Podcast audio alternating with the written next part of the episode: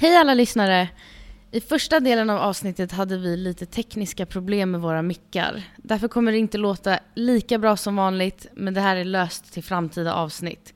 Hoppas ni ändå kan njuta av en riktigt bra podd med vår kära gäst Nebo Nikolic. Enjoy! Ja, Mina damer och herrar, vi har inte så mycket tid. Eh, låt oss hälsa välkommen till Nebo Nikolic. Thank you for being on the show. Tack så mycket. Eh, Nebo är en gammal vän ifrån Göteborg. Eh, här och hälsar på eh, för att träffa lite vänner. Vår gemensamma goda vän Arman har fått kids. Andra ungen. Andra ungen. Mm. Hur, var, hur var det? Ehm, det är allmänt trevligt att se liksom um, ens vänner föröka sig. Verkligen! Menar, en gång i tiden var vi ett gäng unga grabbar som röjde i Göteborg och basically nästan alla blev föräldrar. Ja, nästan alla förutom Dags för ett oss! fåtal då. Jalla! Kanske dags alla. Ja, Nemo, berätta lite om dig själv, vem du är. Låt oss höra. ehm, absolut. Som ni kanske hör så är jag från Göteborg. Träffar uh, Bergsjön. studenten. Ja man! Måste liksom. Ehm, jag är uh, ingenjör akademiskt. Uh, pluggar på Chalmers och uh, bor numera i London som, uh, och, och driver företag. Sen hur, lång, eh, hur länge sedan var det du flyttade till London? Det har varit eh, fem år. Fem år. Ja. Okej, cool. Jag minns att jag kom och besökte dig för typ tre år sedan, någonting sånt. Det var det ja. Vi var på Borough Market, som var ett jävligt coolt ställe by the way. Ja, precis. Uh, um, du har inte varit i London? Nej, aldrig. Nej. Market är ett fantastiskt ställe. Där har du så här delikatesser från hela liksom, världen och, eh, och mat. Uh, det är bara en, ja, London allmänt matmässigt det är Mhm. underbart. Mhm. Ja, alltså det är någonting med viben i London som är... Eh, det känns lite mer som att kulturerna har smält samman. Alltså på ett sätt som där alla är accepterade. Jag minns jag satt i tunnelbanan och det sitter någon, någon gubbe i turban. Han ser ut som en bankman liksom. Ja. Man ser inte många gubbar i turban som är bankmän i Sverige. Nej, nej, nej. skit. No offense Sweden, I'm just keeping it real. Uh, a little bit offense maybe. ja. Eh, Men det är väl grejer liksom. Det finns fågelskådning eh, liksom, allmänt. Men eh, jag och eh, en av mina bästa vänner på det var hon som Mm. drog mig till London. Mm. Eh, vi brukar skåda människor i tuben. Jätteintressant alltså. Ja. Alla, du ser alla möjliga liksom, storlekar, personligheter, liksom, kulturer. Eh, definitivt mycket personlighet. Ja, ja. Jag, kommer, jag satt på bussen i Victoria. Eh, Jag hade en släkting som bodde där. Och jag skulle typ till stationen du vet, från ett område. Jag satte mig bredvid en, eh, en, en, en mörk afri, afrikansk kvinna. Och eh, hon tittade på mig, ställde sig upp, kollade snett och gick och satte sig någon annanstans. Now, What? I'm not put, putting any, anything into this. Det var bara intressant att eh, folk var så 100% sig själva. mm. Förstår du vad Ja, jag menar? ja, ja. Sket i. Ja, ja, ja, exakt. Hon var såhär offended by something, I don't know why. Maybe. I should have showed respect. Det kanske fanns mer plats på bussen, jag vet inte. Men jag bara minns att jag tyckte det var såhär, wow, det här är inte Sverige. Nej. I Sverige är man lite såhär oj oj oj. Ja, jag var ganska ung då, så att jag tror jag var 13, 14 eller någonting. Kände mig skitcool. Jag satt i bussen och sen direkt jag var såhär, wow, this is a different place. Oj, du var liten. Ja, jag var liten vid det tillfället. Mm. Men eh, superkul att du har varit här i Sverige och hälsat på lite. Mm. Träffat nära och kära. Absolut. Jag vet att du efter många år tillbaka kanske så här, funderar på att komma tillbaka till Sverige. Ja, självklart. Det här eh, säga. Tänker på att jag har ett kontrakt som säger att jag ska vara kvar i, London. Men Just du, tankarna har funderats. tanken har funderat. Liksom. Okej. Ja, jag vet det. Eh, Eh, jag saknar verkligen eh, Sverige. Själva värderingarna, kulturen, mhm, naturen, till och med vädret. mhm. Tror jag dig. Eh, familjen. Mm, Ja. jag fattar. Det är någonting som man alltid måste ha i åtanke när man lämnar ett land bakom sig eller sticker vidare är ju liksom familjen och de som är närmast. Ja, Det verkar som att det alltid är det som är most pressing issue. det är det. Och alltså att skapa en familj. För att man har inte så många ägg kvar. Man har inte så många ägg kvar. Jag förstår, äggen försvinner med åren. Det är det. 100% man måste hålla koll på sina ägg. Alla de olika slags Ja. äggen som finns. Det är karriär så det är alltid en uppoffring. Ja. Ja. Det var så roligt, vi skulle egentligen idag ha podcast med eh, vår gemensamma kusin Kevin. Så låt oss slakta honom lite grann live i kameran. Kevin, vad, vad, vad din hände? jävel. Du lämnade oss, du ditchade oss sista sekunden. So, we changed you out. Jag tror han bara hade lite någon studio session som han hade behövde göra idag. Ja, han hade lite studiegrejer som han behövde. Exactly. Men jag tror att det var ändå skrivet i stjärnorna. Förstår du vad jag Ja, menar? Du var här, du har spenderat hela veckan i Stockholm. Sista dagen skulle du hänga med mig. Eh, komma och spana i restaurangen, se hur, jag har, hur vi har det. Ja, bästa kebabrullen. Ja, men, Ja, du fick käka den precis. Vad tyckte Ja, du? den var underbar. Okej, fan vad Ja, nice. Lätt som typ kebabrullen i lite gjort, en gubbe där liksom. Just det. Ja, ja, på den nivån och bara lite mer finess skulle jag säga. Använd oss. Ja, ja. Tack för Den- denna finess. Mm. I studion idag har vi med oss givetvis min lilla syster Tina Amin. yeah, yeah, Jag yeah. själv, Reibin Amin. Eh, tillbaka för ett andra avsnitt. Vi kom på medan vi eh, stängde för siesta på restaurangen att så här, Nebo har ungefär, vi ska se hur lång tid du har på dig. Nebo har basically 40 minuter kvar. Innan vi behöver Exakt! Så vi hoppade in i podcasten ganska snabbt, eh, började prata lite grann om London, vad som händer. Känner att jag introducerade inte ens dig i podcasten. Så. Och vi glömde klappa. eh, just det, men vi klappar nu. Yeah! Lyssna, vi är skitkeffa. Rookies! På att editera video, okej? Vi har under en veckas tid sedan förra videon Mm. försökt få eh, synk mellan, eh, vad heter det? Audio and video. Yes. And it's not working. Yeah. Det går inte bra just nu. Vi började i iMovie och det kanske inte var your preferred choice of video editing. Det är nästan lite pinsamt. Alltså Exakt. det går inte. Så jag har gått och skaffat Adobe Premiere nu. Eh, shout out to Adobe, you know, Adobe, give us some, give us some free shit. Skämt åsido. Men så vi är ju eh, färskingar i game. Förstår du vad jag menar? 100% Vi tänker låt oss eh, filma content och sen får vi se om vi lyckas få lip-sync med video. För att när vi väl får till det, då lär vi väl få till det rullande. Så vi har, åtminstone så har vi content. Exakt. I vilket fall, väldigt glad att du är här Nebo. Eh, Det och jag tror att det var nice för det är vissa saker som vi tänkte att vi ville toucha på. Mhm. När vi ändå har en snubbe som har lämnat Sverige, bor i London och liksom har helt och hållet immersat sig Ja, in. Singel. Singel. Yeah! Ja, lyssna. Göteborgs bara. Garis behöver veta att den dagen eh, Nebo hypotetiskt kommer tillbaka till Sverige Mm. så vill han eventuellt settle down with a nice wife and have some children. Definitivt. Medan äggen fortfarande är på plats. Exakt. Ja, ja. Ja, ja. Mm. Klart. Så vi ville gå igenom och prata lite, så här, ställa lite frågor till dig om London. Jag har vissa saker jag är intresserad av och Tina, det är bara att jumpa in om det är någonting du Yeah. tänker. Nu när vi ändå är på frågan om eh, singel eller inte singel. har du träffat eh, någon, några intressanta under din tid i London? Hur har liksom datinglivet varit generellt sett? Så det har varit eh, väldigt intressant. Man har varit på alla, alla appar. Liksom Tinder, och Hinge, Bumble. Inte såhär Grindr, men det...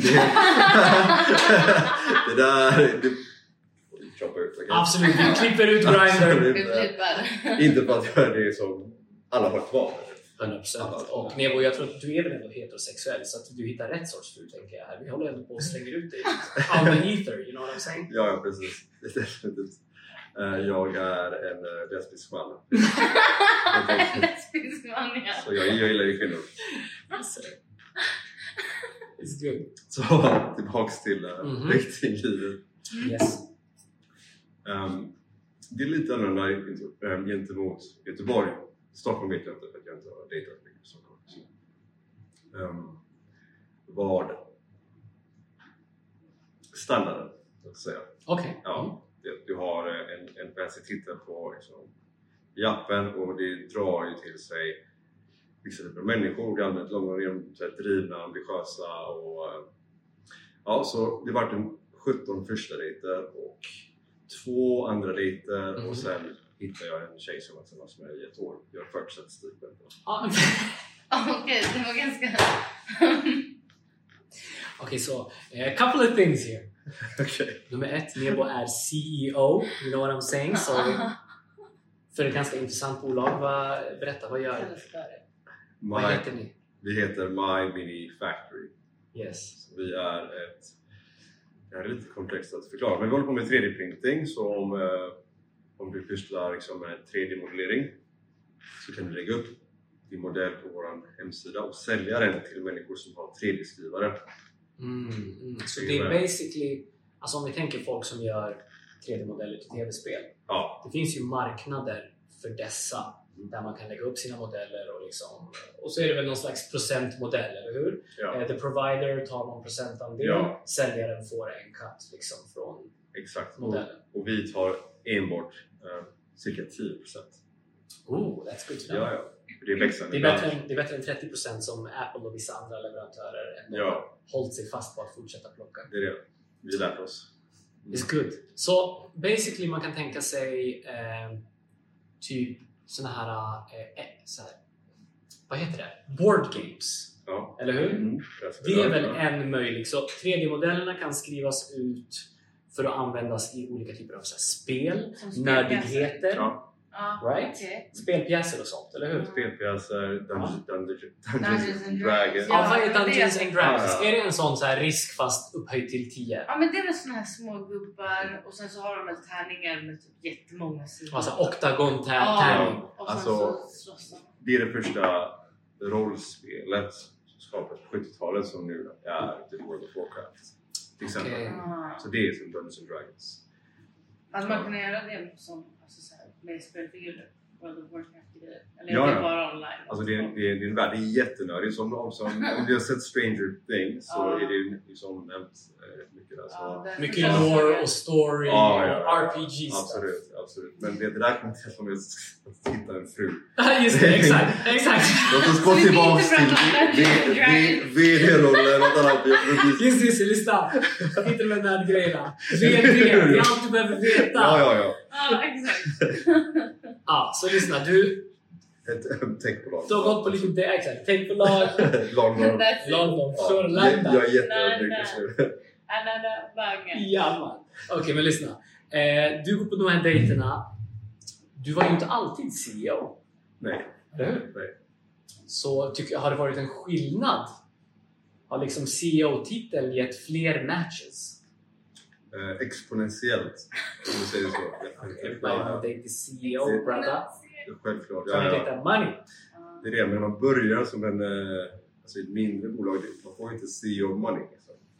Nej. Men, men de förväntar sig liksom en CEO-date. Mm. Ja, så det är... att typ- Okej, jag, ska, jag ska berätta typ en... okej, en, en Ah, ge oss lite Ja, dejter! Absolut, okej. Så en tjej jag träffade då. Aha. Jag, eh, jag brukar oftast välja restaurang och så här, för att boka plats. Eh, men nu så, det, hon är från London så jag frågade kan du hitta en sån bra restaurang? Då la hon ju självklart någon Michelin. Eh, Tänker jag på menyn och bara kolla, jag bara känner igen det här stället. Typ så här 800 för en, för en liten räka. Eh, Oh my god. Ja.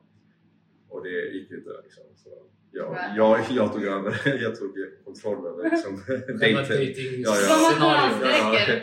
Eller hur? Typ, eller hur? Gentleman som jag är, nej. Jag är punk. Så när jag kom hit till London. Eh, Det var en annan, eh, en annan tjej som jag träffade. Hon frågade liksom, vilken bil kör du? Vad är det för årslön?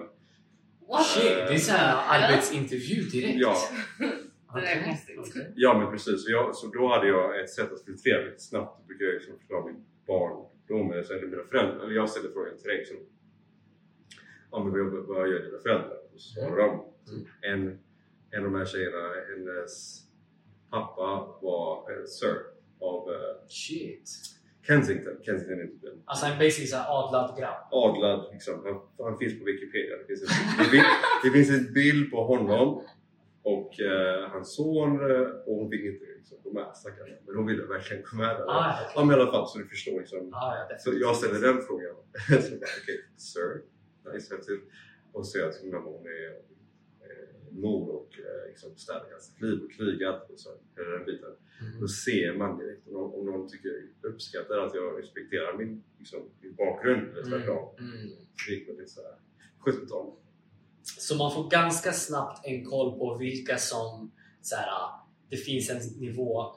You have to be in this kind of money to even access entry. Ja, typ såhär gräver guld i USA. Ja, typ. ja. Ja. Tycker du det är svårare att hitta människor som bara är alltså så här, seriösa som letar efter kärleken eller något sånt? Är det mer att filtrera bland i London till exempel än i Göteborg?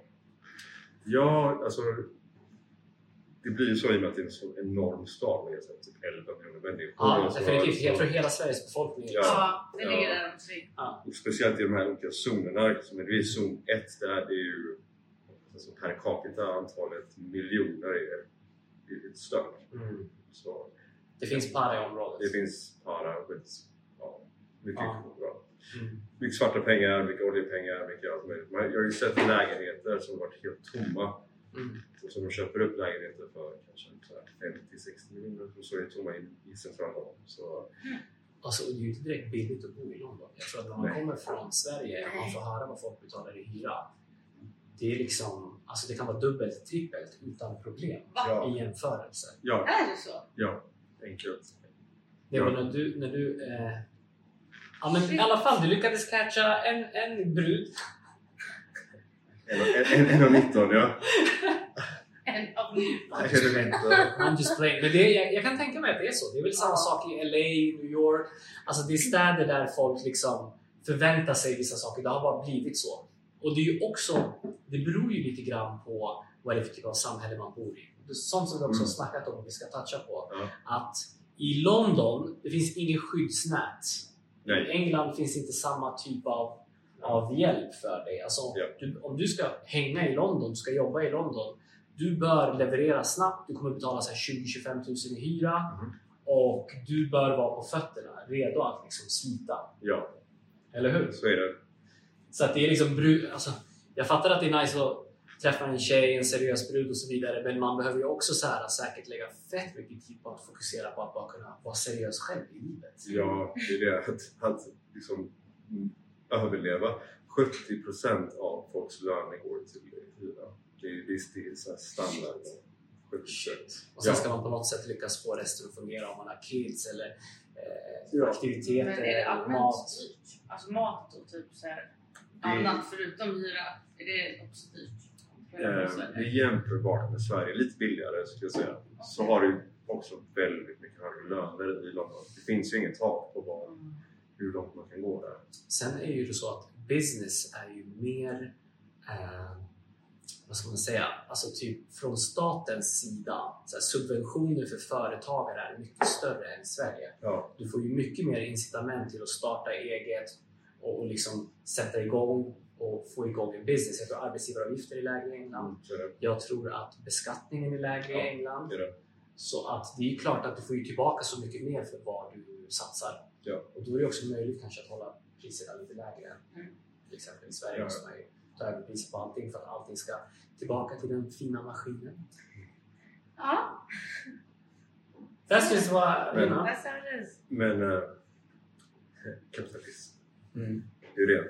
Det är det. London, London är kapitalismens mecka på något det är sätt, det eller definitivt. De har ju ägt världen liksom en gång. Och Ja. Det är, ehm, ja, men som, som vi sa, i, i Sverige så har man ett väldigt fint skyddsnät allmänt Mm. på alla håll.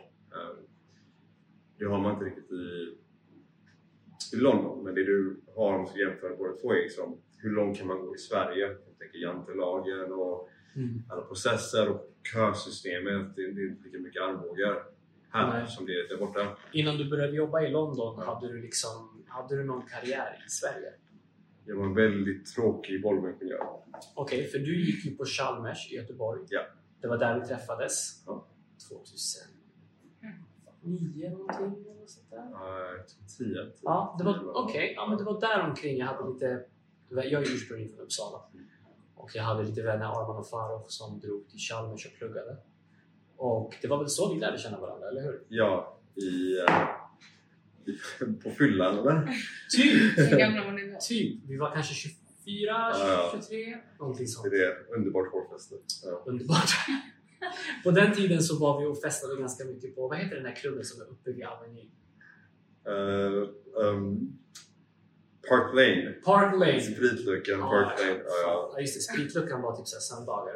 Och krogfolk ut och festar. ja, ja, det var väldigt, eh, väldigt städat. Ja. Ja, definitivt. Ja. Ja, men det var väl de tiderna. Så då pluggade du, blev du klar med utbildningen innan du började jobba eller liksom gjorde du båda samtidigt? Eh, jag blev klar men eh, jag hade alltid ett extra jobb vid sidan ibland. Liksom två Ja. extra jobb. Eh, men, eh, ja, knega liksom. Mhm. Viktigt att lägga om. Du var på Volvo i några år och, och gjorde din grej. Ja, jag, man kan säga att jag varvade Volvo. Mhm. Jag började på Volvo lastvagnar, personvagnar, bussar, Ja. flera Volvobolag. Liksom därav det blev tråkigt efter ett tag. Mhm. Jag Vad fick du göra? Vad kunde du ha för så här, arbetsuppgifter? Um, skulle mest vara i 3D-modellering och jag höll på med 3D-printers även då så det var en sån här Ah. full circle. Det var ju så här 10 år senare. Men okej, det som var lite coolt med Volvo var att man kunde designa typ en komponent Mm. i 3D. Och så skickade du den till verkstaden och då har de ju en enorm, en enorm 3D-skrivare. Mm. Um, det ser ut som att det är sand och den är ungefär kanske 6 meter bred. Mhm. Som en sandlåda. Shit. Ja, En stor 3D-printer. ja enorm. Den kostade säkert en så här 10-20 miljoner. Så, Ja. så du designar din modell, Aha. skickar den till verkstaden och så plockar du upp den sen ur den här sanden typ dagen efter. Och så går Är den i plast då enbart? i plast. Ja, ja, det, ja, ja, så det är en te- teknologin är inte SLS så jag ska inte liksom... Nej, det är intressant. Som- jag får en sån, så du nörd liksom. Båda är nördar. Vi- Alla tre nördar. skitcoola nördar. Det är Vi vi. vi. Ja, absolut. Men då, gick, då kunde du ta den här komponenten och gå in till uh, verkstaden och sen installera den direkt i lastbilen. Så från skärm Ah, till Okej. alltså, real production eller inom en, så här, ja, men en dag. Så det, det, var, det var det häftigaste målet. Och sen alla medelålders uh, svenska män också. Såklart. Vad var det som fick dig att eh, ta steget och testa bo i ett annat land? Mm. Jag kände att jag kände mig begränsad här i Sverige. Eh, om det här med jantelagen och kösystemet och att om du jobbar 8 eller 12 eller 16 timmar liksom, spelar inte stor roll. Och människor som har liksom, högre ambition begränsas här. Jag kan också uppleva att känslan är, ursäkta att jag avbryter dig, att man, eh, det kan nästan ses med onda ögon om man kämpar mer än vad som är förväntat. För att det kan skapa någon slags situation där man inte passar in i modellen och andra kommer då känna sig pressade att de måste leverera mer. Ja. Så det blir nästan liksom, it's, it's shunned att du kämpar för mycket. Du ska bara ge så här mycket effort. Liksom, Ja, ja, Som är upp till vad alla andra ligger. men så är det. Ja, tänk Zlatan. Liksom. Sure, definitivt. Jag, jag tycker att det ska finnas utrymme för alla typer av personligheter. Den personlighet som är extrem vinnarskalle, den som är en chillare och vill kämpa si och så mycket men ändå göra sin del. Ehm, Det borde finnas möjlighet för alla eh, personlighetstyper. Där kan jag faktiskt hålla med dig och det är något som jag skulle vilja ändå kritisera lite grann det svenska systemet. Du vet att här, när vi kom hit, då skulle vi assimileras in i den svenska kulturen. Vilket jag tycker är extremt puckat. Det är så mycket bättre att ha ett land där olika kulturer kan komma överens om vissa gemensamma nämnare för så här, vad vi är stolta över i det här landet och hur vi vill bete oss och så vidare.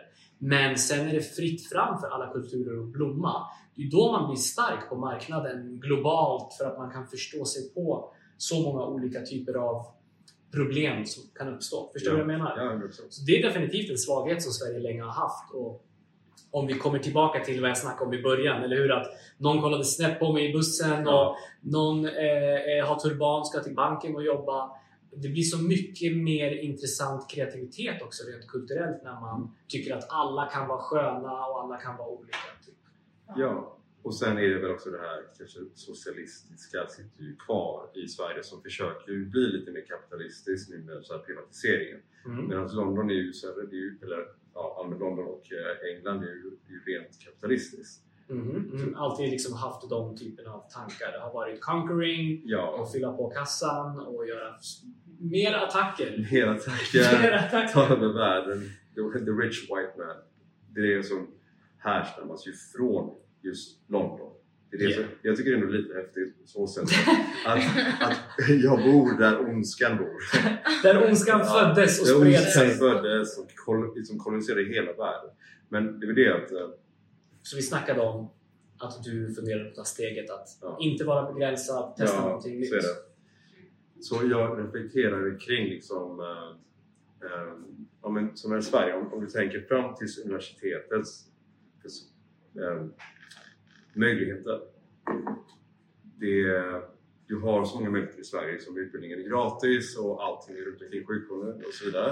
Mm. Så du kan ju liksom bli ingenjör eh, utan att betala. Till, och med- till och med att skolan betalar dig. Jag fick ju, jag fick ju pengar för att jag gick på universitet. Ja, ja, ja. Det är för övrigt någonting som, som svenskarna och det svenska systemet för evigt borde vara stolta över. Att man ändå är ute efter att så här, stärka individens möjligheter att ta för sig. Liksom. Mm. Eh, om vi ska ta till exempel i USA. Jag såg någon statistik på det nyligen, don't quote me on this. Men basically, eh, de olika Ivy League-skolorna och universiteten och så vidare. Alltså, de skulle kunna plocka bort 80% av avgifterna som de tar Mhm. och hela systemet skulle rulla plus minus noll. Det är så. Ha. Det är, Förstår du? ja, ja. Oj. Så med andra ord, du vet vissa av de här skolorna var betalar man så här 30 000 dollar termin. ja, ja. Ja, du hade kunnat betala kanske 2 till 3 000 dollar terminen. Och, så, ja, så fort man går för kapitalistiskt Mhm. utan social eftertanke ja. Då finns det alltid maximal potential till korruption. ja då blir Trump president. Liksom.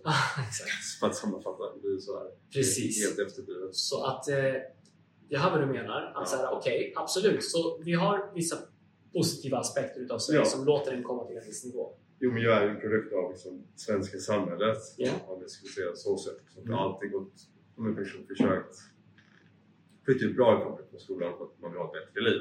Ehm, Men så kom jag ut till, eh, till Volvo eller allmänt eh, ar- arbetslivet och blev väldigt begränsad. Och nu, och nu ser jag inte enbart på grund av eh, om jag har någon eh, frågor kring liksom, ras eller bakgrund utan eh, det tillhör lite grann det var systemet. Mm. Right? Jag förstår. Så, men, så då insåg, insåg jag att om, man, om du flyttar till London med den här utbildningen så kan du maximera och din erfarenhet så kan du maximera dina möjligheter ännu mer. Det Mm. finns inget tak. Så, så om, du har, din- om, du har, om du har dina första 23-24 år i Sverige och sen drar utomlands till kapitalistiskt så har du större chans att lyckas som entreprenörer allmänt kan få astronomiska löner och möjligheter om du är ambitiös. Och sen kommer du tillbaka till Sverige när du har tjänat dina pengar, köpt ett hus och har det bra. Hittar en fru i Göteborg. Hitta din fru kvar. Finns där ute, jag vet. Fokus på det. det är. Ja, och grejen var att jag, jag minns ju att du var ju ändå så här hungrig och du Mm. ville ändå maximera din Ja. potential. Du var ju villig att lägga de där 14 till 18 timmarna eller vad det nu skulle krävas under vissa perioder av ditt liv för att skapa en ny standard. För det är någonting man måste bara acceptera från ganska tidig ålder, eller hur? Kommer man ifrån första generationens föräldrar som är invandrare, andra generationen som har kommit hit och basically börjat om från noll, men också minus. Man kan Ja. inte ens språket. Ja. Så vi får ju liksom bära helt vårt eget öde. Ja, ja. Vilket är intressant på många sätt. Då eh, tvingas man hitta olika eh, unika kreativa lösningar om man vill förbättra sitt liv till, till en viss nivå. Eh, de kreativa lösningarna kan ju också vara farliga ibland. Jo, men, men just i det här fallet, Sverige är ju världens bästa land. Eller hur? Det är bara att det finns vissa liksom, nackdelar. Eh, Därav vill jag flytta tillbaks. Det är ändå väldigt intressant och kul med tanke på att du har, du har varit i ett annat land, du har fått se Ja. vad, vad London, som ändå är capital in Europe, Så är det. Få se vad London fick erbjuda. Sen har du ju varit med om ganska intressanta grejer, eller hur? Jag menar, att du kommer ju ganska tidigt in i någon typ av karriärsbana. Eh, Jag minns att när jag kom och hälsade på dig så jobbade du på WeWork. Eh, eh, Något av bolagen Ja. som befann sig på ett stort WeWork-hotell som är jävligt fett by the way. Stämmer. Ja. Just det, det var sju våningar. Co-working. Så flera. Företagshotell. Ja, företagshotell. Ja. Några bolag. Men det här är så här sju våningar med cirka 2000 bolag i ett, så det var det största liksom, företagshotellet i London. Okay. Antagligen i Europa också. Så där var vi och pitchade vår idé. Eller vårt bolag. Ja, vi höll på med en blockchain affärsidé, som, en produkt som heter Crypto Salary. Tanken var att man skulle kunna betala varandra i digitala valutor och så skulle man kunna avlöna varandra och betala skatter och avgifter. We had a whole idea. Det, det var Davids idé. Ja. Din idé. Vi byggde ihop Ja, den tillsammans. Ja. Eh, nu är blockchain och krypto ett ganska eh, en osäker marknad med mycket scammers, oseriösa aktörer. Under projektets gång så insåg vi att vi ville inte eh, potentiellt jämföras med oseriösa aktörer. Så vi bestämde oss för att dra i handbromsen på Crypto Salary och gå vidare med andra tankar och idéer. Men det var ändå en intressant tid och vi fick jobba tillsammans i projekt för första gången. Och vi taggade till London, jag och en till kille i teamet för att vi, du hade hittat några så här potentiella investerare som vi skulle pitcha Ja. för. Det var by the way väldigt nyttigt. Alltså, vi hade från att vi hade bokade möten till någon miljardär som hade fem minuter på ett café. Ja, så var det. Så han bara okej guys, what you got then? Och jag bara eh... Uh, Ja, ja. Ja. Sant, vi pitchade Oj. till fyra olika personer. Kommer du ihåg de här? Var det Barbados eller någonting? Vi, Oh my god. det där var så Just roligt. det. Det- var någon typ av så här företag som hade alltså så här, han hade en bank, någonting, connections med Barbados myndigheter. De var intresserade av att implementera så här, dig- digital currencies in i landet på något sätt. Precis.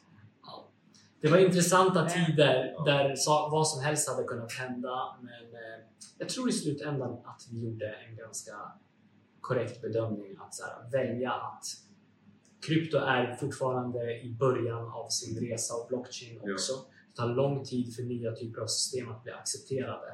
Och är man för early, då kan man också hamna i en situation där det är svårt att hitta sin marknad. Stämmer. Så där tar jag på mig faktiskt att jag gick på lite för modernt, för snabbt, för utopiskt. Man måste Mm. också hitta sin marknad ganska kvickt. Men det är bara för att du är en visionär. Det är det. Det är det. yeah. Är det så? Är jag visionär? Ja, jag är entreprenör. Framgångsrik Jag såg inte var visionen skulle gå med crypto och salary. Nej, men här sitter vi liksom i, i din restaurang och så kommer vi kanske kommer säkert dra på en spelning i, i Tack så mycket. sommaren. En sak leder definitivt till Ja. nästa. Och jag tror att i min entreprenörsresa så har jag gått till olika deep ends. Eh, Crypto Salary gjorde mig nästan pank. Mm. Och det var också så en väldigt intressant eh, eh, analys att göra. För jag var alltid villig att eh, jag driver ett bolag. Om jag lyckas göra en exit så gör jag det. Och sen ska jag bara stoppa in pengarna in i smeten igen. Mm. Och så ska jag bara utveckla, utveckla, utveckla. Men det fick jag också inse den hårda vägen. att så här, du, du måste också ha en bankroll för projekten du investerar i. Och du måste veta att tech kan kosta mycket pengar och mycket tid. Ehm, och, och välja att satsa dina pengar på ett så här smartare, mer strukturerat sätt. Så att, alltså, med facit i hand är jag skitglad för den tiden med Crypto Salary och alla läxor vi lärde oss, hur vi arbetade intressant i team. Eh, Vi gjorde till vi gjorde en video. Alltså, vi, Ja, vi gjorde värsta presentationsvideo. Alltså, vi fick jobba med mycket grejer som ändå så var fördelaktigt. Så ja, ja. yeah. Det var jättehäftigt. Alltså, personligen tycker jag att det var en, en fantastisk resa och lärde så, så mycket liksom, för man var tvungen. Och vi träffade de här olika liksom, investerarna i- från, från London. Man tänker ändå att det var bara en allmänt en väldigt bra erfarenhet och vårt band blev liksom förankrat i cement. Liksom, vi kommer göra grejer framöver, också. Definitivt. Ja. Jag hoppas att det dyker upp eh, stunder i framtiden då våra vägar eh, går samman. igen. Ja, självklart. Absolut. De går ju samman just nu. Det är, Mm. Det är det, här är You have to enjoy the moment. Här är det. Här är det. Ja, Ja, ja. Okej, så vad snackade vi? Vi snackade om det faktum att eh, London, det var svårt att klara sig i London. ja, Eh, du, hade ju, du jobbade på ett ställe som heter Zapro ett tag. ja. Där har vi bara sett exempel på vad som kan hända. Du vet, de pratar om arbetssäkerhet. Och, Ja. Ehm, ja, det var ett väldigt ett intressant bolag. Ett techbolag, eh, mjukvara, som ett par appar, eh, tio anställda ungefär. Så jag hade ju eh, pitchat en app till eh, en investerare och på något sätt lyckats dra in liksom, 1,2 miljoner pund. pengar. Speciellt för mig som var en rookie. Alltså, det är så här, nästan 1500 svenskar, svenska pengar för att vi ska kunna ha en budget för att bygga vidare på den här appen. Alltså, du gjorde ju den, alltså, den sjukaste, vadå? Du drog in typ 13 miljoner in till Ja. ett bolag som nyligen har startats basically, som har en ny affärsidé. Precis. Something like that. Precis. Ja. That's amazing. London, möjligheter. Lite svårt att göra det här i Sverige. Eh, ja men i alla fall, så det hände och då liksom, uh, skrev jag på ett kontrakt för min nya lägenhet i centrala London. Bor själv äntligen efter så här tre år. Jag har bott i en skolåda. Mhm. Eh, Och så kommer jag ihåg att jag var på väg till kontoret kanske ett par dagar efter det hade hänt. Så jag är fortfarande jätteglad. Kommer till kontoret och ser att det inte finns några skärmar kvar. Inga datorer. Och, och papper på golvet. Som från en film. Cleaned up. Clean Office cleaned up. gone.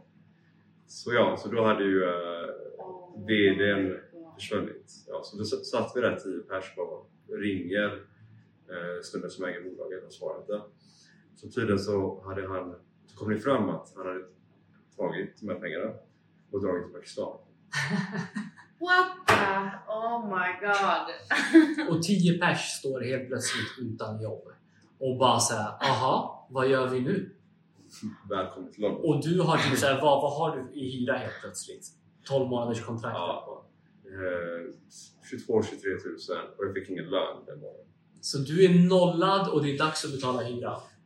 Ja, ja så jag, jag gick från fet lön till att ha andelar i ett bolag som precis hade fått en investering som jag hade löst. självklart. Du tänkte jalla London!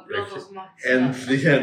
Liksom, det här är efter många år som slit och äta typ jordnötssmör enbart. Det var min diet i Mm. typ tre år. Ja. Mm, och vatten. Och vatten. Och vatten ja. Så. Vad, vad hände i Ja, den situationen? Vad liksom, du, du måste ju obviously helt plötsligt dyka in i och söka jobb och försöka hitta någonting ASAP, right? Ja, det var kanske två veckor av eh, att man grät under täcket. 100% reflektera kring livet och så Ja. fick hitta utvägar. Um, så själva utvägen blev ju att eh, jag sitter på en väldigt fet dyr lägenhet i centrala London. Okej, det är en tillgång. Eh, så finns det ju en app som heter, eh, eller en tjänst som heter Air, Airbnb. Och så har jag lite polare i, i Londonområdet som bara visst, då gör, gör vi detta. Så då hyr jag ut min lägenhet och min, min egen lägenhet som jag har haft i typ så här 10 dagar. 23 gäster, liksom skrubba toaletter och byta lakan i mitt egna hem. Ja, Hur, ja. hur ofta kunde du bo i lägenheten och hur ofta var den uthyrd? Alltså det var så nice när jag fick ett par dagar där. Eh, den var... Du fick ju bo hos alltså, på eller någonting, hos, eller? Hos, eh, precis hos Poje och, Ja. eh, och min polare Jonny som var eh, från, från Bergenhout. Han är eh, bästa snubben, pilot för övrigt, så Ryanair. Jätteambitiös kille. Och, Nice. ett- Och han lät dig crasha där Ja. och du kunde crasha ja, ja, ja, ja, Och hos dig själv och hos mig själv. En gång så, så var det lite dålig timing. Typ Jonnys, han var inte upptagen så han kunde inte liksom få in mig i lägenheten och likadant med Poje. Så jag hade hyrt ut min lägenhet så då tog jag eh, allt med en väska. Då, liksom, eh, visade jag som lägenheten och eh, ja, men sa liksom hejdå till min gäst. Tog min väska och så gick jag ner till källaren och så sov där i två dagar. Bro! Man, that's crazy man. Ja. We feel bad for you. Men- But you're a CEO now! Det är det, det, är det, det, är From the bottom to the men, top. men bara för, bara för att klargöra, det är inte så att jag inte har liksom, vänner och familj som kan hjälpa mig utan jag är också lite, kan vara lite, kan vara lite sjuk jävel och säga såhär, du ska komma ihåg det här. This is the moment. This is rock bottom. Jag tycker ändå det är alltså Starkt. starkt Ja. och du är en man och du accepterar din situation Ja. och eh, det gäller att kunna ha psyket på plats i tuffa stunder. Speciellt om man har valt en väg som är tuffare. För man borde någonstans veta att så okej, ett nytt land, nya förutsättningar, otroliga möjligheter men när det är tufft så kan det bli extra tufft. liksom. Ja, ja. Det verkar som att du gjorde ditt allt för att få det att funka. Precis, men jag hade en, en väldigt fin krets av vänner som liksom hjälpte mig som, um, i de här svåra situationerna. Nice. Det är viktigt. Ja, och du var ju en av dem. Så Yeah, you know, of Det course. här, det här, det här var ju Mo, det här var ju Crypto Salary-perioden. It was. Ja, yes, ja. I remember this Så- clearly. Jag var ju hemma hos dig. Det var ju en fet lägenhet. Ja, just det. Du var där. Vilken Ja. station ligger den på? Eh, Old Street. Så det Old Street, ja, ja. nära Liverpool Street. Jättecentralt. Och det var fett centralt. Alltså, Ja, det var i mitten av där folk promenerar. Ja, Och det var som att han bodde i ett hus. Det var, Ja. det var fönster ut mot liksom, alltså, det var nästan som att du bara hade fönster kändes det som. Ja, ja. Eller hur? ja, sju, sju filer liksom så här. Ja. Runt eh, ja, men centrala. Ja, du var ju där. Ja, jag var där, jag slaggade där en kväll. Ja, det var den här perioden. Det var ju Crypto Mm. Salary-perioden. Det var jättekul. Men hur mycket kunde du få in alltså, när, du, när du hyrde ut din Ja. Airbnb? Kunde du gå plus? Ja, det var bra. Det var Ah, Okej! Ja, jag, jag, alltså jag hade en sån här 4,9 betyg. Det var en... Eh, eh, Förstår ni? 4,9 4,9 i householding ladies Mm. from ja, Gothenburg. ja. Alla Precis. Alla fruar, jag kan städa. Byta lakan. 23 gånger i månaden. Ja, ja. Ni ska se min teknik gällande liksom, tecken. Det var helt super. Ja, du hade och sen Ja, ja, lays out flat. Helt, helt. Jag var on point hotel. Eh, men ja, i alla fall. Eh, det var en väldigt bra liksom, er, erfarenhet. Mm. Man blir påmind. Liksom, var ödmjuk. Eh, Sen fick du jobb på My Mini Factory ja, och eh, hittade en opportunity att jobba upp dig. precis. Vad var din första roll i bolaget? Jag var säljare Mm. ett tag. Mm. Så ehm, alltså jag, när jag gick på intervju, det, det sjuka var att jag alltid haft en kärlek till 3D-printing och då fick jag ett mail från eh, ägaren om just en roll för en, en VD-roll och jag hade missat det här mejlet Oh. när jag var arbetslös. Du var upptagen med lakan? Exakt! Alltså, det var det! Idiot som jag är. eh, Så jag mejlade honom och då sa han att vi har redan gett den här rollen till en annan person. Okej. Ja, så han bara, men eh, men- så verkar jag komma in ändå. Så kom- in, han bara, jag har en, jag har en roll som säljare för typ så här 25 000 kronor. Och det, räckte, det täckte min, alltså min, eh, min hyra var ju 22 000 så eh, det, liksom, ma- matematiken, liksom, det blev jordnötssmör igen. Ja, det där. Jordnötssmör i ditt eget hem istället Ja. för jordnötssmör hemma hos eh, din pilotpolare. Det blev 5-6 burkar i månaden. Ja, jag fattar. Ja, men det är bra. Jordnötssmör är näringsrikt. Det är det. Det är veganskt, så det är bra. Enkelt för. Och du får i dig fettsyror som du behöver. Straight. Som ni ser, Nebo är en saftig bjässe. Så Han har maxat jordnötssmör protein hör i alla. Det är enbart jordnötssmör. 100%. 100%. PBJ. Ja, till och med din tröja är ju- Det är det. Det här var genomtänkt. Ja, ja. Det här är, och det är liksom ekologiskt. ekologiskt. Vi börjar närma oss Vi vårt slut. oss, ja. Grejen är så här. Nebo ska catcha tåget om 30 minuter. Så vi kommer lägga en liten cut. Ja. Och sen kommer vi komma tillbaka och prata lite grann om eh, din helg och lite sånt Yeah. som vi har varit intresserade av. Men lite avslutande. Mm. London versus Sweden. Okej? Mm. Prata, ge oss lite fördelar, nackdelar, vad som har varit kul, vad du kommer sakna i London. Till den som kanske är intresserad av att ta det steget. Absolut. Tempot, det multikulturella, ehm, alla möjligheter. ehm, Du blir bara inspirerad att göra grejer i London. Det är väl det. Det jag inte saknar i London är, det här, är all betong. Det finns ingen natur som Sverige. Eh, Och Ja. luften. Och alla på. Du kommer inte sakna dem, okej? Och alla powerpoints liksom, fem- i femårsplan. Ja, jag fattar. Så Att det- bara kunna ja. träffa någon, ta en promenad, Ja. och käka En någonting. kaffe typ. Ja, precis. Det det. Let's get to know each other. Det är den. Det är den. Mm. Not my resume. Svensk fika. Svensk fika. Ja, ja. Bästa som finns. Det är det. Okej, okej. Så London känns som ett ställe dit man går för att här, skapa förutsättningar, Ja. not to settle down. Stämmer. Okej. Stämmer. okej. Om du vill. Ja. Det, är, en högsta liga. Ja. Du, precis, du har bara några år innan du liksom eh, går in i väggen. Gå in i väggen. Du har fyra, fem år. Sen så, liksom, och sover du i en källare. Exakt! That's what to expect. Precis. Konst. Det är det jag ska göra. Ja, ja, jordnötssmörsdiet och... Ja. eh, ja. Ja. Okej. Lyssna Nemo, det har varit fett kul att ha dig här. Eh, Vi skulle egentligen ha en podcast som sagt med vår kusin och du var här för att hälsa på mig. Ja. Och det var jävligt kul att du kunde steppa in för Ja, jag tycker det här blev ett kort men fett roligt samtal och jag ser fram emot att ha dig tillbaka här. Kan prata lite djupare om andra saker som vi eh, delar, andra intressen och nördigheter och coolheter också förhoppningsvis. Några stycken. Ja. Tack så mycket. Vi Tack. klipper här and we will be back right? Yeah. Okej. Yo! We're Yo, back. Yo, yo. Kul att vara tillbaka. Yeah. Intressant att vi fick eh, chansen att prata med Nebo. Mhm. Jag tycker han är en väldigt så här sofistikerad, eftertänksam men ändå väldigt rolig och Mm. skön grabb. Så eh, it was a treat. Ja, faktiskt. Jättekul. Tycker också att vi fick höra intressanta grejer om London och hur livet är eh, någonstans som ändå är så pass nära men en helt annan competitive environment. That's crazy. Yeah. Sjukt att han fick bo i eh, Hos, I källaren. I källaren, hos kompisar, allting för att kunna försöka klara av att betala hyran till den här sjuka lägenheten. Ja, fett sjukt. Och stackarn. grejen är, vet, det är ju inte värsta lägenheterna vi snackar om heller. Nej. Alltså om du skulle hyra en lägenhet här i Stockholm för 20-25 000, du hade fått ändå någonting Ja, ganska fett. fet Där är det så här, du får ett rum, du får vara nöjd liksom. Oh my god. Yeah. Ja. Ja, hur mår du då?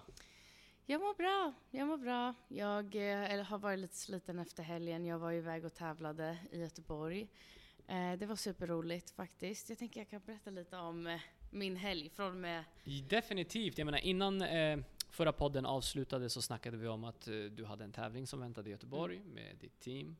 Och eh, yeah, det ska bli trevligt att få lite du och jag har ju inte kunnat prata när vi Nej, har varit på vi har jobbet. Vi har verkligen varit såhär, prata bara, vad var det Kevin sa? Prata bara om grytor. Ja, det var allt. Inget annat snack. Jag vill inte höra om du har haft roligt, tråkigt, just save that shit. Ja, nej, men så i fredags så slutade jag ju lite tidigare härifrån. Och så, så var jag bjuden av min tjejkompis och eh, min tränare, eh, som är samma person då. då. Ehm, att ja, men vi skulle på en show som heter After Dark.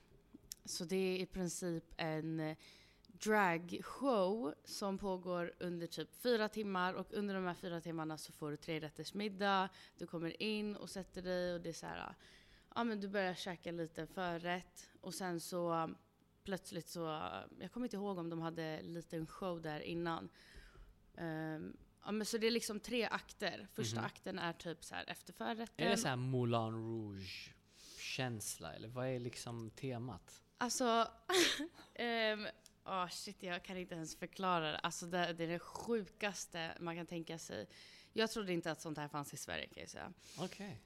Det är lite Moulin Rouge-känsla på vissa delar. En av eh, alltså uppträdarna, jag vill inte spoila någonting, men en av uppträdarna var lite mer så burlesk-känsla. Mhm. Sen har de några så här komediscener där Mhm. de så här, ja, men imiterar olika folk. Alltså Ehm, typ ko- komedi? Ja, komedi. Okej. Eh, så vi har alltså sådana här shower, det är förutom att det är fett glamoröst och det är glitter och det är glamour och det är så här wow. Så är det också sjukt roligt. Alltså vi har skrattat från och med att vi gick dit till att vi gick därifrån. Vi hade ont i ansiktet när vi Är gick det så? därifrån. Ja, alltså vi skrattade sönder. Vad heter stället? After Dark heter stället? After Dark Club heter själva Aha, grejen, men okej. det utspelas på, eller det är på eh, Vasateatern. Okej, så, Så det är en city. stor fin sittning. Alltså det var liksom Okej. tre rätters fint. Du vet. Aha. Och alla som var där, det var väldigt mycket äldre människor där i typ så här, vad skulle jag säga, alltså 50 uppåt, 40 uppåt där någonstans. Sen så lite senare så såg jag att det fanns lite ungdom, eller inte ungdomar ens, alltså det var inte, det var äldre audience. Mhm. Vilket också är förståeligt. Eh, för att, eh, alltså det är 18-årsgräns på själva showen. Okej, så man måste ändå vara vuxen för att komma in? Är det för, Jag tror är att det för att showen är lite såhär Den är R-rated lite eller? snuskig. Ja, ja, ja. Okej. Väldigt snuskig. Mycket. You got some strip club vibes going. Alltså, tänk dig Magic Mike fast roligt, alltså komedi. Ja, alltså det, jag jag kan inte förklara, alltså de är sjuka grejer. Jag skulle rekommendera alla att gå på det. Fan vad roligt. Så Ja. definitivt någonting du skulle gå till igen och bara 100 procent! äta och hänga. Ja, spikat. Okej. Alltså det var jätte, jätteroligt och jag är jättetacksam att jag Vet du om det här konceptet är nytt eller har det funnits länge? Länge, mycket länge. Det är så? Ja, Babsan var med där förut. Just det. men inte längre. Jag kommer inte Var ihåg det- Babsan eh, med den kvällen när du... Eh, Nej, Babsan eh, fick vi träffa på ett annat event som vi jobbade på med dansen. ja, Och då berättade hon om så här, alltså ni måste gå på After Dark. okej. Har- För jag minns att du nämnde där. någonting om Babsan, men det var inte Babsan som var programledare, eller så ledare för Nej, showen, utan... okej. jag är så dålig på namn. Jag kommer inte ihåg vem det var som var ledare. Men alltså, grym, grymt bra. Fan vad Alla dansare var sjukt grymma. Nice, så ni fick en så här skön, soft kväll innan Ja. ni skulle... Alltså en rolig kväll innan ni skulle till Göteborg och Ja, alltså, själva dansa. Jag kan förklara det typ så här. Det en av scenerna till exempel, eller en del av akterna typ. När de kom ut med efterrätt, nu ska jag inte berätta vad som hände, men det var en hel show om den här efterrätten. Alltså du vet, de kom in och alla servitörer var liksom, kom in med efterrätten och det var helt, alltså det var en maxad show. Det var typ en av de största grejerna som hände kring efterrätten. Jag älskar att du inte vill spoila After Dark-showen. Du vet som att det är så här, du vet avsnitt 11 av ett skitviktigt... Nej, alltså jag säger till er, det här, jag vill inte... För att Veronica, min tränare, hon ville inte berätta för mig. Hon hade sett lite klipp och sånt. Hon bara, Mm. alltså, det finns en scen som jag verkligen vill prata om med dig, som kommer. Hon bara, men du måste se det själv. Okej, så det här är någonting som man måste uppleva för sin egen nej, del det, helt alltså enkelt. en av de roligare upplevelserna jag har That's varit cool. med om. Ja. Fan vad roligt. Men vad det hände var, sen? Det slutade typ halv elva. Nej, halv tolv. Vi var hemma vid typ så här 12, whatever, någonstans där. Och sen så skulle man ju varva ner. Vi var helt uppe i varv, för vi var så exalterade och vi var så här, det här var så jävla bra hela vägen hem. Alltså vi var skitglada. Och så skulle vi så lugna ner oss och sova, för vi skulle upp liksom vid fem. Eller innan fem. Eh, kvart över fem så gick tåget typ. Shit. Så vi var tvungna att vara uppe och vi skulle göra mackor och frukost och kaffe och allt skulle tas med liksom. Hur många, för ni är bara tjejer i ert gäng. Ja. Hur många var det som eh, var med på resan? Eh, så den här gången så var vi 11, räknat med tränaren då. Ehm, nästa gång så ska vi vara 13. Så vi, har, vi är egentligen 12 dansare, men två kunde inte vara med den här gången. Ehm, så då möttes vi. Vi åkte till Göteborg, resan dit. Alltså, jag har aldrig sett så extremt åksjuka tjejer. Alltså vi alla mådde skit. Vi var så åksjuka när vi kom fram. Och sen så, jag var typ så här vi alla låg och halvsov. Och så vaknade jag upp och bara, om en timme går vi av. Och då måste allt, smink, hår, allt ska vara färdigt. För att när vi kommer fram till Göteborg så är det typ en timme tills vi står på scen. Och jag hade något så här som jag skulle gå på just den här gången. Och, alltså det var stressigt. Men så vi fixade oss, gick dit. Tävlingen gick ändå okej.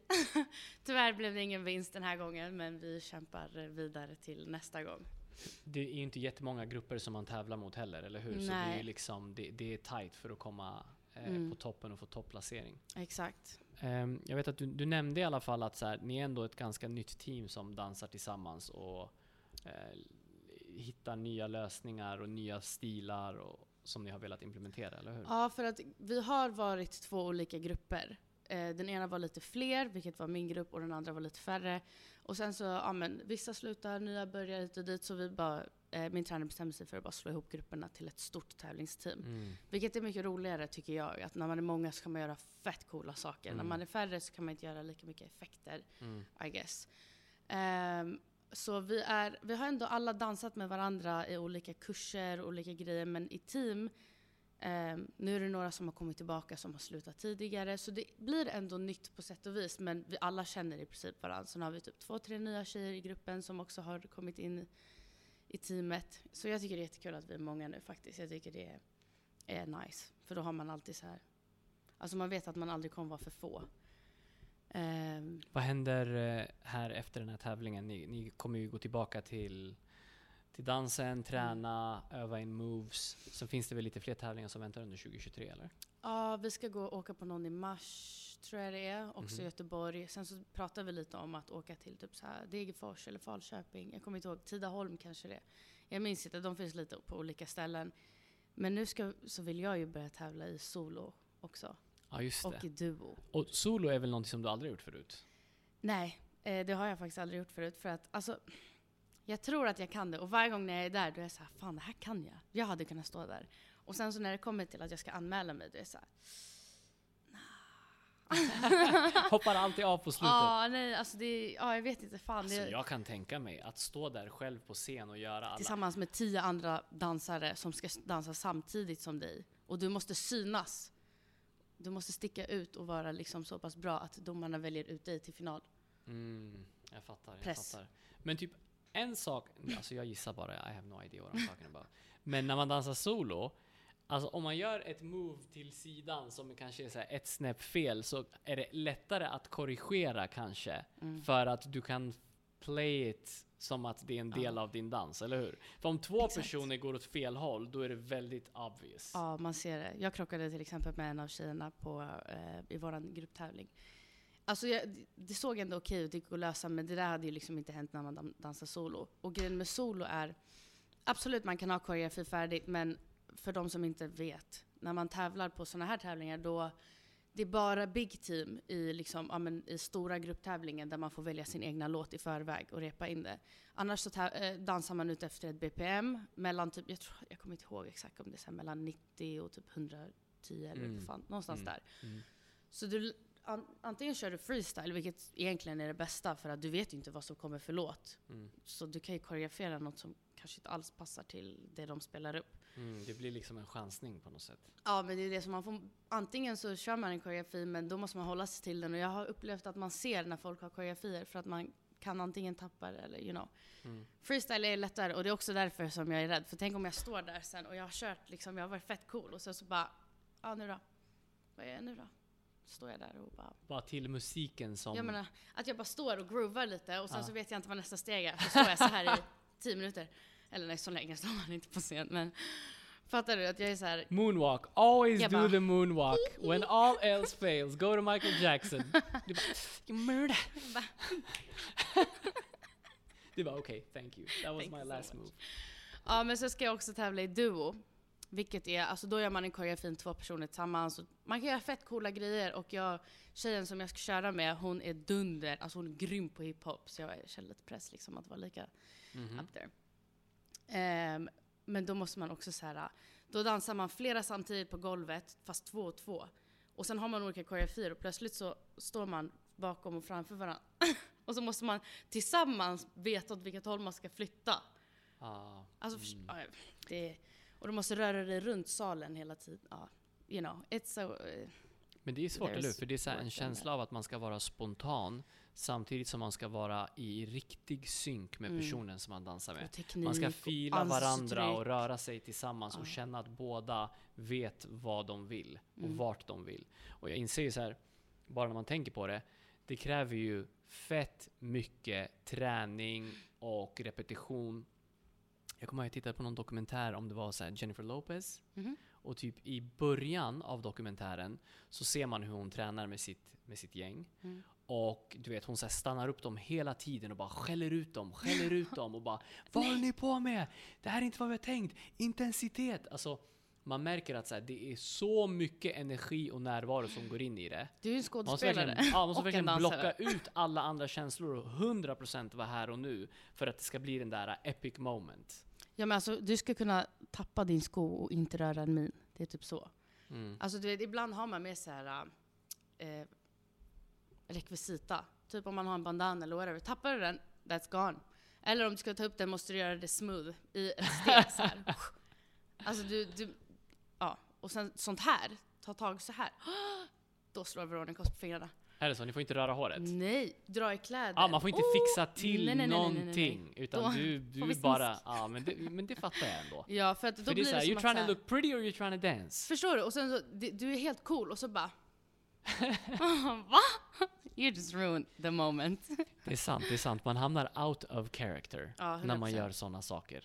Du måste liksom så här, ja men det är det som är grejen, du måste verkligen hålla det. Men problemet är, som jag tror många i vårt team också, vi alla tillsammans känner det, att när adrenalinet kommer blir vi så extremt taggade. Att vi sa låt oss köra.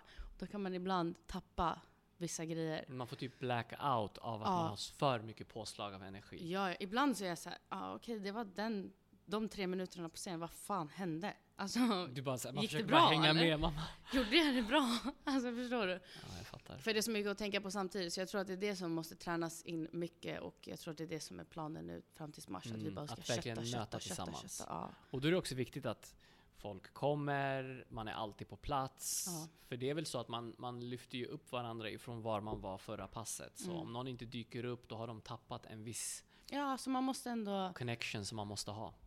Ja, men jag tycker ändå att många är duktiga på att ändå återkoppla till typ vad som har missats på träningen och sånt. Mhm. Och det är det som är det viktiga, att man måste ha en lojalitet till gruppen också. När Mhm. man, alltså tävlar jag solo, det är så här, om jag inte pallar träna, okej då pallar jag inte träna, det då får jag skylla mig själv om jag suger. Ja. Men med teamet, då måste man faktiskt, alltså då måste man vara i, för att annars, jag slutade dansa en termin, Mhm. för att jobb kom emellan, jag var såhär, fan jag kommer inte kunna, för typ ett och ett halvt år sedan. Och då visste jag att jag skulle dra ner gruppen, om jag, för jag hade inte kunnat komma på alla träningar och allting. Jag var såhär, mm, this is not working. Och sen så började jag igen när jag var såhär, nu. nu. Då började jag jobba här. Ja, det är sant. Exakt. Så började du slänga in att du ville, det var onsdagar du ville börja gå på helger och sådana Mm. saker, right? Ja, och Ja, sen det- söndagar har vi stängt och det är då jag har alla mina fyra träningar som är regelbundna liksom. Jättenice att vi kunde enabla det. Mm. Super, faktiskt jättekul. Ja, för jag det- det. Vi snackade ju om det här om dagen. Det är så viktigt att ha ett intresse. Var det inte du som sa det? Alltså ett Mm. intresse som, vad som än händer, jag kommer alltid kunna falla tillbaka till det intresset. Ja, det var det. Alltså så här, i tider, i tuffa perioder när man har det jobbigt och kämpar och sliter och man kanske inte har måendet på topp, så vet jag att jag alltid kan gå till danssalen och ha sjukt kul. Mm. Och jag kommer alltid ha det roligt. Och alltså, eller bara stå hemma och typ koreografera eller dansa eller whatever. Mm. Mm. Ja. När jag var yngre så hade jag inte någon sport. Jag älskade att spela basket, men jag gjorde det mycket alltså så här, i området, bara med vänner och nära och kära. Men jag dedikerade mig aldrig till någon sport riktigt. Mm. Jag var mer så här, jag gillade att umgås med vänner i området. Jag hade typ intresse att spela tv-spel, så jag la mycket tid på det. Mm.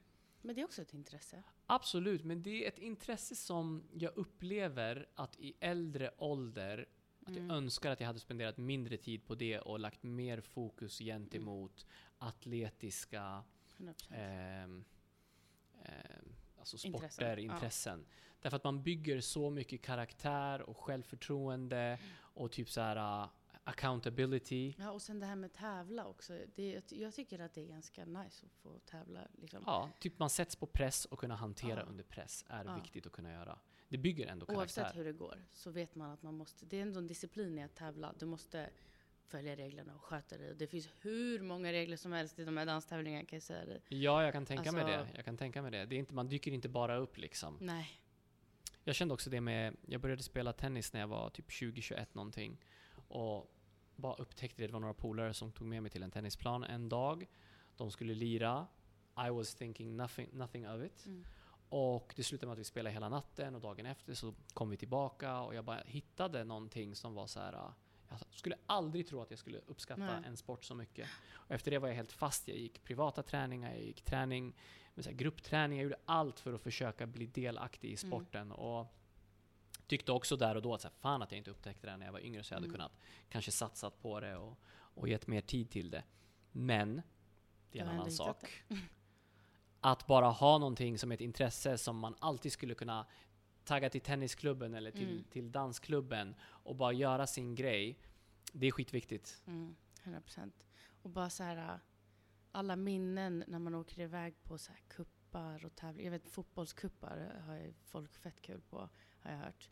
Alla jag mina säkert. kompisar som spelade fotboll tyckte det var askul. Och Mhm.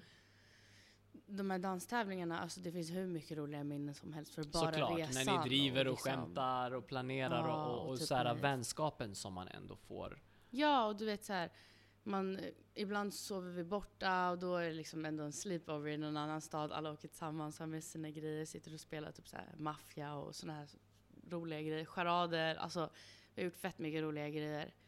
Ehm, och också så här, vet du vad jag råkade göra?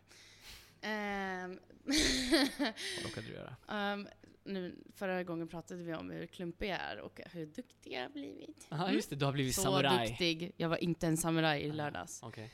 Så i lördags, alltså vi får lånebyxor av dansskolan på tävlingarna. Och vi har också en t-shirt, en teamtröja. Den är vårt ansvar. För den tävlar vi oftast i, men den är ändå vår, så den får vi ha hemma.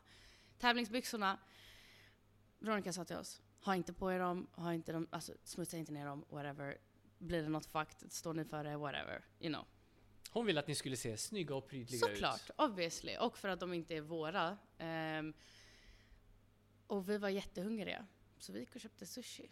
Efter att vi hade stått på scen och allting. Och jag visste att nu var jag klar för dagen. Ehm, och jag glömde byta byxor. Dora och. Dororora. Som tur- Dora. Som tur är så hände inget med min vita teamtröja. Mhm. Men jag tar fram allt som ska liksom ställas på bordet. Så Så här sushin. Soja, wasabi, såna Ja, här och grejer. det, vi var liksom, vi satt tio pers på ett långt bord. Så Mm. vi tryckte ändå ihop oss en del. Jag öppnar sojan. och jag hinner bara ställa ner den. Och jag vet inte, jag tror jag typ kom åt den med fingret och så tippade jag över. Nej! Inte en sån liten, en stor burk med oh soja. Och det bara rann och ner för mitt min byxa och ner på golvet och jag bara...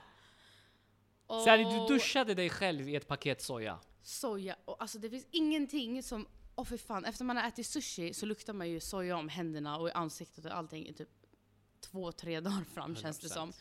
Det är någonting man vill ha på insidan, inte på Nej, utsidan. man vill inte ens få det på fingrarna.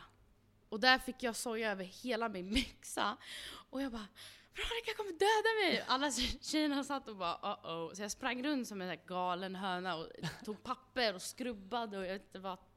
Nej alltså det, Får man bort soja om man tvättar jag kläder? fick bort det direkt. Alltså du vet, då Okej. ställde jag mig och bara, alltså jag dränkte byxan och skrubbade och skrubbade och den var blöt efteråt. Och sen så tänkte jag först hålla det här hemligt. Alltså jag hann liksom skrubba rent mina byxor, jag sprang iväg. Jag var ju sån så här panikmode. Jag sprang iväg, jag bytte om, bytte byxor, bytte tröja, allting. Jag kom tillbaka, jag kom på fan soja ligger fortfarande på marken. Oh jag har inte ens börjat God. torka golvet. Och soja är en sån grej, du vet, du bara torkar och torkar och torkar, det försvinner inte liksom. Alltså vi stod och torkade soja ett bra tag.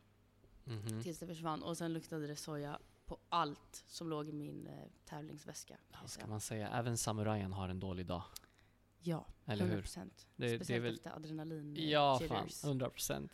ja, men tack och lov att byxorna klarade sig. De gjorde det.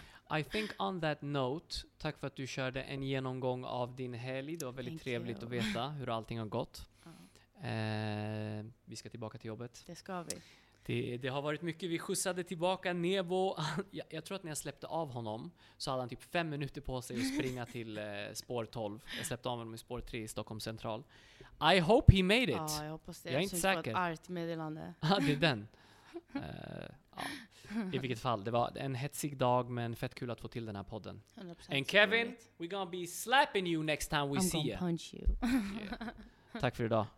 Tack för idag. Vi ses nästa vecka. Yeah. Bye.